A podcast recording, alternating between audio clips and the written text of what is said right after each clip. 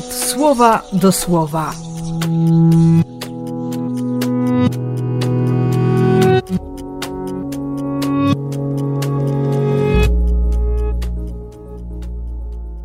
Siódmy lutego, wtorek.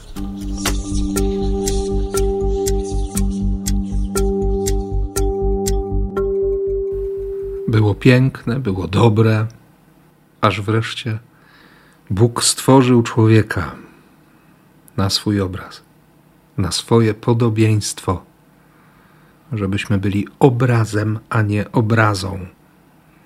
I pierwsze błogosławieństwo, które słyszy człowiek, brzmi: bądźcie płodni.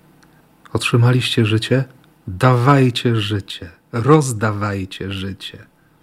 Dzisiaj w czasie pogrzebu czytałem Ewangelię z piątego rozdziału redakcji Jana o tym, że, że ojciec ma w sobie życie, że tym życiem podzielił się z synem, że syn jest wypełniony życiem i że daje życie tym, którzy go usłyszą, tym, którzy otworzą życie na życie.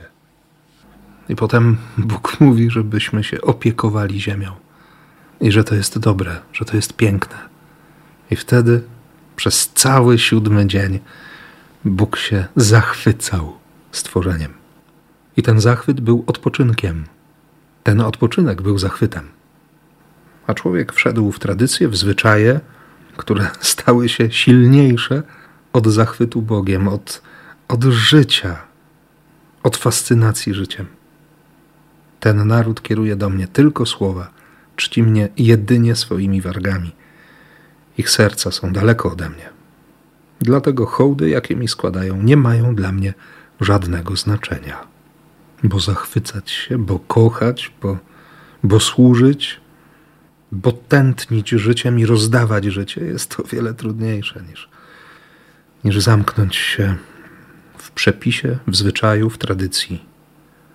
Sam cały czas szukam tej drogi, tej właściwej drogi, żeby nie wylać dziecka z kąpielą jednocześnie, żeby nie zgasić ducha.